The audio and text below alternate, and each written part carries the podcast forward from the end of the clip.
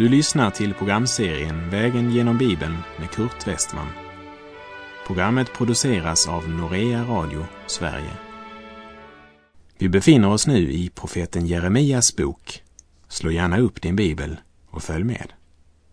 Vi avslutade förra programmet med att säga att Gud kallade profeten Jeremia till att rycka upp och bryta ned, förgöra och fördärva, bygga upp och plantera. Det vill säga, han skulle så ut det ord som är skarpare än något tveeggat svärd och som tränger igenom så att det skiljer själ och ande, led och märg och är en domare över hjärtats uppsåt och tankar. Det avslöjar, det bryter ner och det bygger upp. Därmed delar Guds ord mänskligheten i två delar. Det som tar emot det till frälsning och det som förkastar det och därmed står under Guds dom. Och när vi nu kommer till Jeremia 1, vers 11 så ger Gud två syner som Herren sedan i klara ord säger vad de betyder. Och det blir samtidigt Guds marschorder till Jeremia. Nu är tiden inne då han ska börja sin gärning för Gud och för sitt folk. I vers 4 fick Jeremia kallelsen från Gud att vara Guds budbärare till ett avfallet folk. Och kallelsen börjar med orden Herrens ord kom till mig. Och när tiden är inne att börja gärningen så är det också då Herrens ord som blir det avgörande. Vi läser Jeremia 1, vers 11. Och Herrens ord kom till mig. Han sade, vad ser du, Jeremia? Jag svarade, jag ser en gren av ett mandelträd. På hebreiska så kallades mandelträdet för det vakna trädet. Kanske därför att det är det träd som först av alla vaknar efter vintersömnen och blommar redan i februari. Mandelträdet var därför vårens väktare som bar bud om att vår och sommar nu stod för dörren. På samma sätt så skulle Jeremia vara en väckarklocka för ett folk som älskade mörkret och inte ville veta av Guds ljus. Men mest av allt är mandelträdet en bild på att det är Herren själv som vakar över sitt ord och att han, när tiden är inne, ska låta ordet han har talat fullbordas. Vi kan hålla fast vid Guds ord. Vi kan proklamera Guds sanning. Men det är inte vi som vakar över skriften och dess sanning. Det är det Gud som gör. Och det är det viktigt att komma ihåg. Jag ser en gren av ett mandelträd, sa Jeremia. Och vi läser vers 12. Herren sade till mig, du har sett rätt. Jag ska vaka över mitt ord för att fullgöra det. Gud själv är den som tar ansvaret för att det han har sagt ska komma också sker. När tiden är inne för en profetia att bli uppfylld, då är det Herren som fullbordar. Om det handlar om en syn eller om Jeremia stod ute på marken framför ett mandelträd när Herren frågade vad ser du? Det vet jag inte och det betyder mindre. För det viktiga här, det är att Gud påminner profeten att det är Gud själv som har ansvaret för budskapet så sant Jeremia håller sig till det budskap Gud har gett honom, varken mer eller mindre. Men Jeremia ska ha en stadfästelse till innan han är mogen att motta själva budskapet för att sedan ropa ut det för folket. Och här handlar det uppenbart om en syn eller en vision. Vers 13. Herrens ord kom till mig för andra gången. Han sade, vad ser du? Jag svarade, Jag ser en sjudande gryta. Den kommer hitåt norrifrån. Vid den här tiden så var varken Egypten eller Assyrien någon verklig fara för Juda och Jerusalem. Men i norr växte Babylons rike. Och likt en gryta under vilken eld är tänd så kommer den efter en tid att börja sjuda strax innan den kokar över. Och nu får Jeremia uppdraget att varna sitt folk för det som ska komma över Juda som en konsekvens av avfallet. Och det var inte bara folket i allmänhet som hade avfallit, men också furstar, ja, även de som bar namnet Herrens präster. Det närmar sig tiden då nationen ska skörda det de sått. Guds dom står för dörren och det ska Jeremia förkunna för sitt folk. Men det folk som förkastat Gud vill inte höra sanningen men söker sig till de profeter som serverar falsk tröst och säger det är inte så farligt, det ordnar sig alltid. Och nu är tiden inne då Gud ska ge Jeremia det budskap han ska proklamera. Jeremia är nu mogen för det steget. Helt från den stunden då Herren uppenbarade för honom att han var utvalt av Gud och helt från moderlivet helgad för att bära ut Herrens budskap till sin samtid, så har det varit en andlig mognadsprocess där han steg för steg växer i beroende av Gud. Och nu får han sitt första officiella budskap. Vi läser Jeremia 1, vers 14 och 15. Herren sade till mig, ja, från norr skall olyckan välla in över alla som bor i landet. Se, jag ska kalla på alla stammar i rikena norrut, säger Herren.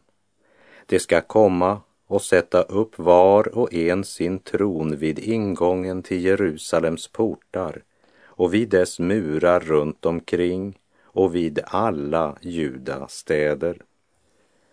Ett sekel tidigare så hade Herren räddat Jerusalem när den assyriske kungen Sanherib med sin stora armé hade hotat inta staden.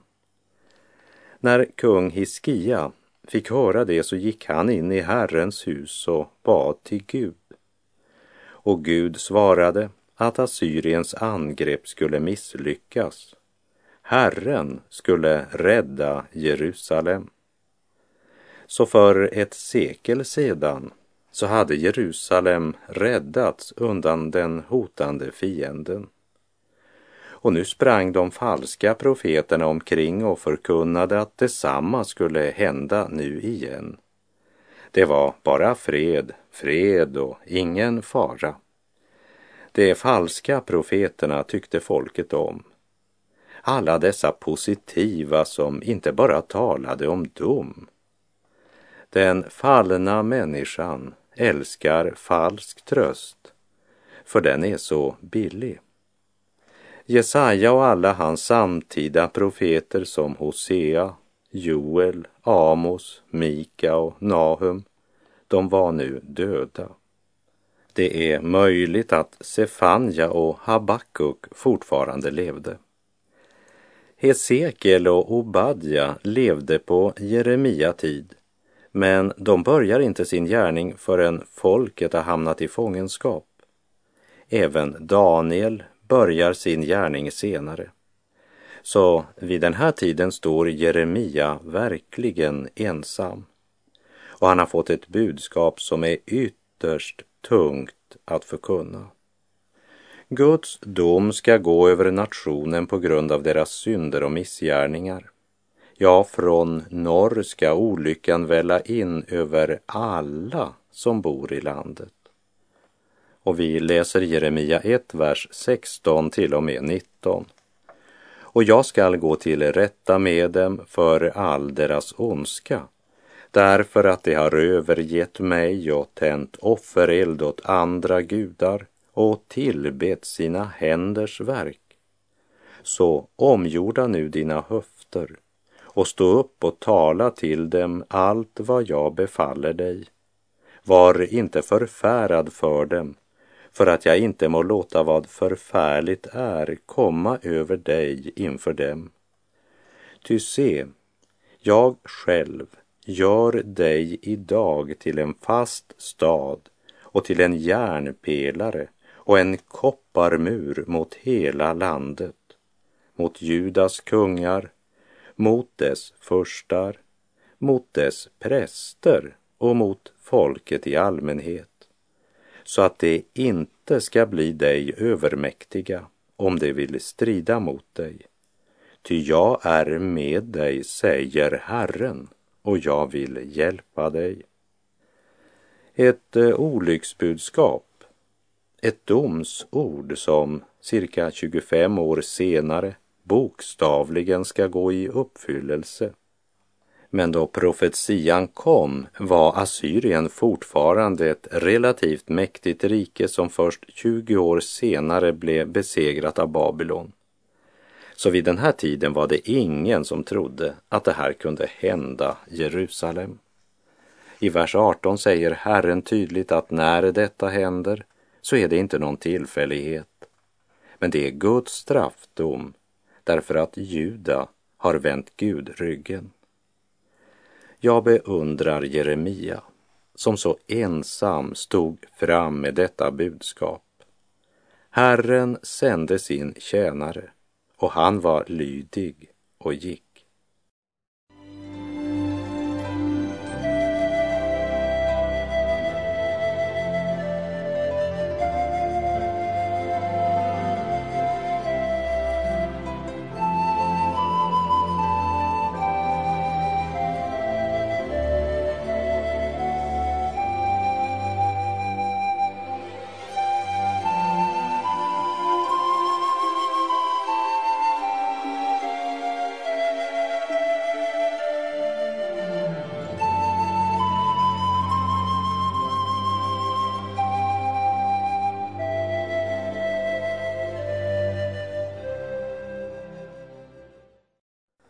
Därmed så har vi kommit till kapitel 2 hos profeten Jeremia.